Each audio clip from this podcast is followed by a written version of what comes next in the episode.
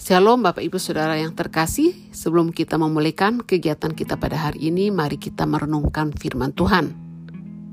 Renungan pada hari ini akan diambil dari Injil Yohanes pasal 19 ayat 1 sampai ayat 42. Namun, kita harus mundur sedikit ke ayat pasal 18 dari ayat 38b karena itu akan menjadi sambungan ke pasal 19. Jadi renungan pada hari ini diambil dari Yohanes pasal 18 ayat 38b sampai Yohanes pasal 19 ayat 1 sampai ayat 42. Nah ayat-ayat ini saya membagi dalam lima bagian. Yang pertama adalah Yesus dihukum mati, kemudian yang kedua Yesus disalibkan, yang ketiga Yesus mati, yang keempat lambung Yesus ditikam, dan yang kelima Yesus dikuburkan. Kita mulai dari Yesus dihukum mati dalam ayat pasal 18 ayat 38b sampai pasal 19 ayat 16a. Jadi Bapak Ibu Saudara sekalian, Pilatus mengajukan beberapa pertanyaan kepada Yesus. Dan Bapak Ibu tahu bahwa Yesus ini disidang ya. Jadi dari ahli-ahli Taurat, imam-imam kepala, kemudian dibawa ke Herodes, dari Herodes dibawa lagi ke Pilatus. Jadi seperti dilempar kiri kanan. Dan waktu Yesus di di hadapan Pilatus Pilatus kemudian mulai mengajukan pertanyaan-pertanyaan kepada Yesus. Dan pasti pertanyaan-pertanyaannya Pilatus ini adalah pertanyaan-pertanyaan seorang yang sudah biasa biasa melakukan interogasi ya. Biasa melakukan pertanyaan-pertanyaan untuk memancing orang mengakui kesalahan. Nah, jadi setelah eh, Pilatus mengajukan beberapa pertanyaan kepada Yesus, kemudian Pilatus keluar dan mendapati orang-orang Yahudi dan Pilatus mengatakan kepada orang-orang Yahudi, "Aku tidak mendapati kesalahan apa pun padanya." Jadi seorang Pilatus pasti dia ada adalah orang yang berpendidikan dan orang yang sudah dididik dalam ilmu ilmu khusus untuk uh, memastikan mengajukan pertanyaan-pertanyaan kepada seorang yang bersalah untuk dia diberikan kemampuan untuk mengetahui apakah orang ini memang bersalah atau tidak. Jadi Pilatus ini setelah mengajukan beberapa pertanyaan, dia temui orang Yahudi, aku tidak menemukan kesalahan apa pun padanya pada Yesus. Kemudian, tapi kemudian Pilatus mengatakan ya sudah, karena orang-orang Yahudi ini kan tetap ngotot. Kemudian Pilatus mengatakan, menurut kebiasaanmu pada hari Paskah adalah untuk membebaskan tawanan atau seorang narapidana. Kemudian Pilatus bertanya, Maukah kamu supaya aku membebaskan raja orang Yahudi bagimu? Kemudian apa jawab orang Yahudi? Jangan bebaskan Yesus itu. Tapi bebaskanlah Barabas. Barabas ini adalah seorang penyamun dan Pilatus kemudian setelah orang mengatakan kami lebih pilih Barabas, kemudian Pilatus menyuruh orang menyiksa Yesus. Jadi Bapak Ibu Saudara sekalian, ini sesuatu yang sangat ironis ya. Bahwa orang-orang Yahudi, orang-orang Yahudi ini pasti kenal Yesus. Mereka pasti mendengar bahwa Yesus ini pernah membangkitkan orang mati. Yesus pernah membuat orang yang bisu berbicara, orang yang buta melihat, orang yang lumpuh berjalan, orang kusta ditahirkan, dan mereka pasti pernah mendengar bahwa Yesus ini memberi makan 5.000 orang dengan hanya lima roti dan dua ikan. Dan orang-orang Yahudi ini kok malah bukannya memilih Yesus tapi memilih Barabas. Padahal Pilatus sudah katakan saya tidak menemukan kesalahan apa pun kepada Yesus untuk pantas dihukum. Dan waktu Pilatus suruh pilih, kamu mau pilih mana, Barabas atau Yesus ini? Mereka orang Yahudi memilih Barabas. Jadi sesuatu yang yang sangat ironis di sini Bapak Ibu. Pertama, Pilatus mengatakan aku tidak menemukan kesalahan apa pun kepadanya. Tapi orang Israel terus orang Israel, orang Yahudi terus apa? Berteriak apa? Salibkan dia, salibkan dia, salibkan dia. Kemudian disuruh pilih, kamu pilih Yesus ini atau pilih Barabas. Mereka pilih Barabas, bukan pilih Yesus. Jadi orang-orang Yahudi di sini adalah orang-orang yang tidak masuk akal. Kebencian mereka, kemarahan mereka kepada Yesus itu tidak masuk akal. Jadi mereka seperti sudah dikuasai oleh kebencian sampai akal sehatnya sudah tidak main. Dan memang banyak orang-orang yang seperti orang-orang Yahudi ini. Jadi logikanya sudah tidak main untuk mempertimbangkan apakah memang ini salah atau tidak salah. Jadi mereka sudah di, dikuasai oleh kebencian dan amarah sehingga mereka Pilatus mengatakan tidak ada kesalahan, mereka malah mengatakan salibkan dia. Pilatus suruh pilih Barabas atau Yesus marah mereka pilih penjahat. Padahal mereka tahu siapa itu Barabas, seorang penyamun, seorang penjahat. Siapa itu Yesus? Jadi seperti perbandingan yang sangat tidak masuk akal. Seorang Yesus yang selama hidupnya sebelum dituduhkan di sini sebelum ditangkap adalah seorang yang mengajarkan kebijaksanaan, seorang yang ke mana pun dia pergi melakukan mujizat menolong orang, tetapi orang Yahudi lebih memilih sang penjahat, lebih memilih si penyamun ini. Jadi mereka memilih Barabas dan bukan memilih Yesus. Kemudian prajurit Romawi kemudian menganyam sebuah mahkota duri dan menaruh di atas kepala Yesus. Mereka memakaikan dia jubah ungu dan menampari muka Yesus. Jadi Yesus dihina oleh orang-orang Yahudi, difitnah oleh orang-orang Yahudi, kemudian prajurit Romawi juga kemudian menghina dia, menampar mukanya, meludahi mukanya, meninju mukanya. Nah, kemudian Pilatus menyerahkan Yesus kepada orang Yahudi dan waktu Pilatus kemudian mengatakan aku tidak menemui kesalahan, tetapi kamu tetap terlihat katakan salibkan dia, suruh suruh pilih antara Barabas atau Yesus mereka malah pilih Barabas. Kemudian akhirnya Pilatus udah saya serahkan sama kamu. Dan waktu Pilatus menyerahkan Yesus kepada orang-orang Yahudi, mereka berteriak, salibkan dia, salibkan dia, salibkan dia. Dan orang-orang Yahudi mulai menyampaikan alasan mengapa mereka menuntut hukuman mati bagi Yesus. Karena mereka mengatakan dia menganggap, Yesus menganggap dirinya adalah sebagai anak Allah dan bagi mereka itu adalah penghujatan. Dan waktu Pilatus mendengar bahwa orang Israel mengatakan, bahwa orang Yahudi mengatakan bahwa lebih baik Yesus disalibkan karena dia mengaku bahwa dia adalah anak Allah. Dan kemudian Pilatus pergi lagi bicara sama Yesus. Dari mana asalmu? Siapa engkau sebenarnya? Katakan dengan jujur, aku ini punya kuasa untuk membebaskan engkau, meluputkan engkau. Kemudian Yesus mengatakan, engkau tidak punya kuasa apa-apa kepadaku. Yesus menolak untuk memberitahukan siapa dirinya yang sebenarnya kepada Pilatus. Nah, walaupun Yesus tidak membela diri sepatah kata pun, Pilatus ini tetap yakin bahwa Yesus tidak bersalah dan dia kemudian berusaha untuk membebaskan Yesus. Namun orang Yahudi berkata kepada Pilatus bahwa jika Pilatus membebaskan Yesus maka Pilatus bukanlah sahabat kaisar. Jadi Bapak Ibu Saudara sekalian orang-orang Yahudi ini tahu kelemahan Pilatus.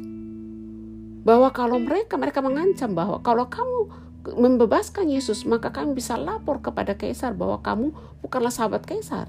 Dan Pilatus mungkin takut kehilangan jabatan, ya sudah. Kemudian akhirnya dia katakan ini rajamu. Kemudian orang Yahudi menjawab, kami tidak mempunyai raja selain daripada Kaisar. Bapak Ibu Saudara sekalian, di dalam pasal 19 ini, beberapa kali Pilatus mengatakan, ini rajamu. Pilatus mengatakan Yesus adalah raja orang Yahudi. Jadi Pilatus antara Pilatus dan orang-orang Yahudi dan di antara orang-orang Yahudi di situ ada ahli-ahli Taurat, orang-orang Farisi dan imam-imam kepala di situ Bapak Ibu Saudara sekalian. Pilatus seorang Romawi, seorang yang tidak membaca Taurat, seorang yang tidak membaca kitab nabi-nabi. Dia adalah seorang kafir yang tidak percaya kepada Allah Yehova, tidak mempercayai Taurat, tetapi seorang Pilatus bisa mengatakan, "Aku tidak menemukan kesalahan di dalam diri Yesus." Bahkan dia yakin sekali bahwa Yesus tidak bersalah dan ber, dia berusaha membebaskan. Tetapi orang-orang Yahudi terus berteriak, salibkan dia, salibkan. Waktu orang Yahudi berteriak, salibkan dia, salibkan dia itu adalah keputusan seperti sudah jatuh hukuman jatuh hukuman bahwa karena dia dapati bersalah maka dijatuh, hukuman dijatuhkan dan hukuman dijatuhkan kepada Yesus ada disalibkan. Jadi seperti ada dua kubu di sini. Kubunya Pilatus mengatakan dia tidak bersalah, bebaskan, tidak ada kesalahan di dalam dia. Sedangkan kubu orang Israel mengatakan dia salah, salibkan dia, salibkan dia. Pilatus berulang kali, ini rajamu, ini rajamu, ini rajamu. Tapi kemudian orang Yahudi selalu menolak, menolak, menolak Yesus sebagai rajanya. Bahkan mereka mengatakan, kami tidak mempunyai raja selain daripada kaisar. Bapak Ibu Saudara sekalian, dalam peristiwa ini, menurut saya Pilatus jauh lebih baik. Jauh berpikiran lebih jernih, lebih masuk akal daripada orang-orang Yahudi. Karena penilaiannya Pilatus kepada Yesus ada penilaian yang benar. Jadi sesuatu yang menyedihkan Bapak Ibu Saudara sekalian. Orang-orang Yahudi, ahli-ahli Taurat, orang-orang Farisi yang membaca kitab nabi-nabi dan sudah tahu mengenai ada nubuat kedatangan Sang Mesias, justru mereka tidak mempercayai, mereka menolak Yesus, tetapi yang justru mengakui Yesus sebagai raja, justru yang melihat bahwa Yesus ini tidak bersalah adalah Pilatus. Ya. Kemudian Bapak Ibu Saudara sekalian, kita lanjut kepada kemudian akhirnya kita tahu kisah ini bahwa Pilatus kemudian menyerahkan Yesus kepada orang Yahudi dan kemudian mereka menyalibkan dan kemudian bagian yang kedua di sini Yesus disalibkan itu tercatat dalam pasal 19 ayat 16b sampai 27. Di situ dicatat bahwa Yesus kemudian memikul salibnya ke Golgota, kemudian Yesus disalibkan di antara dua penjahat di atas bukit Golgota dan kemudian di atas salib Yesus Pilatus menaruh tulisan. Dan kata-kata dari tulisan itu adalah Yesus orang Nazaret raja orang Yahudi. Jadi Pilatus berulang-ulang kali mengatakan ini rajamu. Bahkan tulisan yang ditaruh di atas kepala Yesus di, di, di atas salib itu adalah Yesus orang Nazaret raja orang Yahudi. Tetapi orang Yahudi terus menolak Yesus sebagai raja mereka. Nah, kemudian di dalam ayat ini juga Bapak Ibu Saudara sekalian bahwa dalam ayat 16 sampai kemudian ayat 30 di situ ada tiga perkataan Yesus di atas kayu salib. Yang pertama adalah waktu Yesus memandang ibunya dari atas kayu salib dia mengatakan, "Ibu, inilah anakmu." Kemudian perkataan Yesus yang kedua adalah, "Aku haus."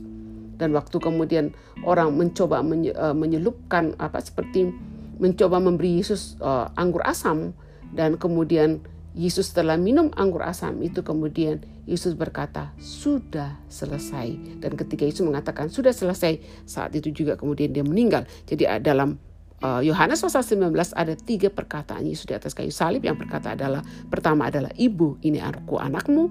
Kemudian yang kedua aku haus. Dan yang ketiga sudah selesai. Nah dalam ayat 31 sampai 37 di sini ada dua peristiwa di sini dan peristiwa yang terjadi ini menggenapi nubuatan perjanjian lama. Bapak Ibu Saudara sekalian, prajurit Romawi kemudian mematahkan kaki dari dua orang yang disalib bersama dengan Yesus. Tapi kemudian ketika mereka tiba ke Yesus dan bermaksud mematahkan kaki Yesus, tapi waktu mereka melihat bahwa Yesus itu sudah meninggal dunia, mereka tidak jadi mematahkan kakinya. Justru mereka kemudian menusuk lambung Yesus itu dengan tombak ya menusuk lambung Yesus dengan tombak. Dan hal peristiwa ya, kaki Yesus tidak dipatahkan. Dan Yesus, lambung Yesus ditikam dengan tombak. Itu itu men, menggenapi nubuatan perjanjian lama. Di dalam perjanjian lama dikatakan bahwa tidak ada tulangnya yang akan dipatahkan. Kemudian yang berikut bahwa mereka memandang kepada dia yang mereka yang telah mereka tikam Nah, kemudian bagian yang kelima, Bapak Ibu Saudara sekalian adalah Yesus dikuburkan. Dan bagian ini dalam pasal 19 ayat 38 sampai 42 bagi saya sesuatu yang sangat spesial Bapak Ibu. Mengapa ini sesuatu yang sangat spesial? Karena yang menguburkan Yesus di sini ada adalah dua orang yang tidak diduga sama sekali. Ada dua orang yang satu adalah Yusuf dari Arimatea Dikatakan di situ bahwa ia juga adalah murid Yesus.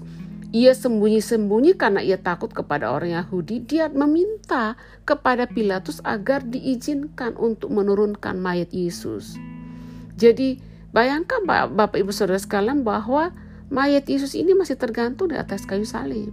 Kemudian Yusuf dari Arimatea memberanikan diri datang diam-diam menemui Pilatus dan meminta agar dia bisa menurunkan mayat Yesus dari atas kayu salib. Kemudian datang toko yang berikut. Jadi ada dua toko yang yang penting dan sangat spesial yaitu Yusuf dari Arimatea dan Nikodemus. Yusuf dari Arimatea memberanikan diri pergi kepada Pilatus meminta izin untuk menguburkan Yesus dan kemudian Nikodemus. Nikodemus inilah yang dicatat dalam Yohanes pasal 3. Dia adalah seorang Farisi pemimpin agama Yahudi yang kemudian datang malam-malam menemui Yesus untuk belajar kebenaran kepada Yesus. Dan uh, Nikodemus ini kemudian datang membawa campuran minyak mur dengan minyak gaharu sebanyak 50 kati beratnya. Dia membawa rempah-rempah ini untuk kemudian uh, dipakaikan kepada uh, mayat daripada Yesus. Jadi Yusuf dari Arimatea dan Nikodemus mengambil mayat Yesus, mengapaninya dengan kain lenan dan membubuhinya dengan rempah-rempah menurut adat orang Yahudi bila menguburkan Yesus. Mengapa bagi saya hal Yusuf dari Arimatea, Nikodemus seorang Farisi dan pemimpin agama Yahudi. Mereka adalah orang yang mengurus mayat Yesus. Merempah-rempahinya, mengenakan kain lenan dan menguburkan Yesus. Tindakan mereka adalah pernyataan kasih kepada Yesus.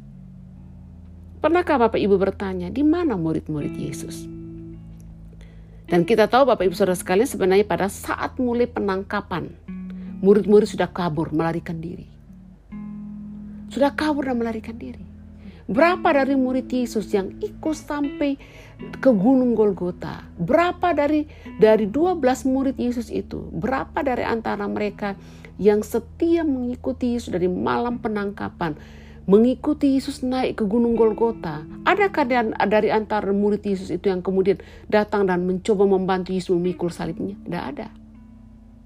Bahkan ketika Yesus sudah meninggal dunia, murid-murid juga tidak kelihatan. Di mana murid Yesus? Dan mungkin secara manusia kita berpikir loh murid Yesus ini mereka lah yang seharusnya ada di situ sampai akhir. Mereka lah yang kemudian menurunkan mayat Yesus kemudian memberikan rempah-rempah dan ramuan-ramuan, kemudian memberikan mengapaninya dan kemudian menguburkannya, tapi bukan murid-murid yang melakukan. Bahkan di sini juga Maria, Yusuf, dan keluarganya tidak ada. Kemungkinan besar mereka ketakutan, kemudian mereka juga sembunyi, atau mereka sedang di dalam duka cita yang dalam karena mereka melihat kematian Yesus, seorang yang baik seorang yang banyak melakukan mujizat memberikan pertolongan. Kematiannya yang sangat tragis dan mungkin mereka dalam keadaan yang shock tetapi dalam keadaan yang seperti ini puji Tuhan karena ada Yusuf dari Arimatea dan ada Nikodemus yang kemudian menolong membantu dan akhirnya Yesus bisa dikuburkan secara layak menurut adat orang Yahudi. Nah, Bapak Ibu Saudara sekalian, seharusnya yang mengapa nih Yesus yang menurunkan mayat Yesus dari salib, kemudian yang mengapaninya dengan kain lenan, yang membubuhinya dengan rempah-rempah, seharusnya adalah murid-murid Yesus, tapi bukan murid-murid Yesus, tetapi adalah seorang yang tidak pernah diduga yaitu Yusuf dari Arimatea dan Nikodemus. Pelajaran yang kita bisa pelajari kebenaran dari peristiwa ini Kebenaran yang bisa menjadi berkat bagi kita mengenai ada seorang yang luar biasa seperti Yusuf dari Arimatea dan dan kemudian Nikodemus adalah begini. Bahwa hal melayani Tuhan, hal menunjukkan kasih kepada Tuhan tidak ditentukan oleh jabatan, oleh eh, latar belakang pendidikan. Kalau melihat latar belakang pendidikan, bukankah murid-murid Yesus ini tinggal dimuridkan oleh Yesus bersama di Yesus sekitar tiga tahun. Jadi kalau mereka sekolah, apakah sekolahnya online atau formal atau tidak formal, murid-murid Yesus ini bisa dikatakan mungkin memiliki gelar diploma tiga. Mereka memiliki gelar diploma tiga. Dan mereka yang bersama-sama dengan Yesus, mereka adalah murid-murid Yesus. Secara gelar, secara posisi dan jabatan, mereka lah yang seharusnya mengurusi kehidupan terakhir Yesus di muka bumi yaitu menurunkan mayatnya, mengapaninya, membubuhinya dengan rempah-rempah. Tapi orang yang paling tepat melakukannya, yang punya jabatan, punya posisi seperti murid-murid Yesus, murid-murid Yesus, bukan mereka yang melakukannya. Justru yang melakukannya adalah orang yang tidak pernah disangka-sangka. Mungkin tidak ada orang yang mengenal Yusuf dari Arimatia. Atau orang mungkin mengenal Nikodemus, tapi mereka hanya mengenal Nikodemus sebagai seorang Farisi, seorang pemimpin agama Yahudi. Tapi orang-orang ini yang melakukan. Dan saya ingin mengakhiri renungan ini dengan mengatakan bahwa hal kesempatan untuk menyatakan kasih kepada Allah, menyatakan penyembahan kepada Allah, menyatakan pelayanan kepada Allah bukan bicara mengenai jabatan, bukan bicara mengenai gelar, tapi bicara mengenai hati kita, kerelaan kita. Bapak Ibu Saudara sekalian, kita sebagai orang-orang yang percaya, sebagai orang-orang yang memiliki KTP Kristen, kita lah seharusnya adalah orang-orang yang ada di garis depan untuk menunjukkan pemujaan kepada Tuhan, untuk melayani Tuhan, untuk menyembah Tuhan. Tapi Bapak Ibu Saudara sekalian, sering kali orang-orang yang tidak diduga justru itulah yang menunjukkan pelayanan dengan kualitas yang tertinggi kepada Yesus. Bapak Ibu Saudara sekalian, hal melayani Tuhan bukan bicara mengenai gelar sarjana teologi. Hal melayani Tuhan bukan bicara mengenai gelar master atau doktor. Melayani Tuhan bukan bicara mengenai apakah saya pastoral di gereja Hal melayani Tuhan bukan bicara kon oh karena saya pendeta. Melayani Tuhan, hal melayani Tuhan menyatakan kasih kepada Tuhan. Ini berbicara mengenai kondisi hati kita. Bahwa itu adalah keputusanku pribadi. Keputusanku pribadi untuk menyatakan kasihku kepada Tuhan. Sama seperti Yusuf dari Arimatea, Nikodemus, mereka bukanlah orang yang seharusnya mengurusi mayat Yesus, mereka bukanlah seorang yang seharusnya mempersiapkan ramuan-ramuan dan menguburkan Yesus dengan cara adat yang layak menurut orang Yahudi. Bukan mereka. Seharusnya murid-murid, seharusnya orang lain. Tetapi mereka adalah orang-orang yang tidak peduli. Bukan tidak peduli apakah mereka adalah orang yang tepat. Tidak peduli bahwa apakah mereka adalah orang yang punya jabatan untuk melakukan. Tetapi mereka dengan sukarela melakukan. Jadi sekali lagi, hal mengasihi Tuhan, hal pelayanan, hal melayani, hal memberi diri untuk melayani Tuhan, hal memberi, memberi diri untuk menyatakan kasih kepada Tuhan, bukan bicara mengenai jabatan, bukan bicara mengenai gelar, ini bicara mengenai ekspresi kasih kita kepada Allah dan keputusan pribadi dari kita untuk melakukan sesuatu bagi Allah. Mari Bapak Ibu, pada hari ini mengatakan Tuhan apa yang bisa kulakukan bagimu.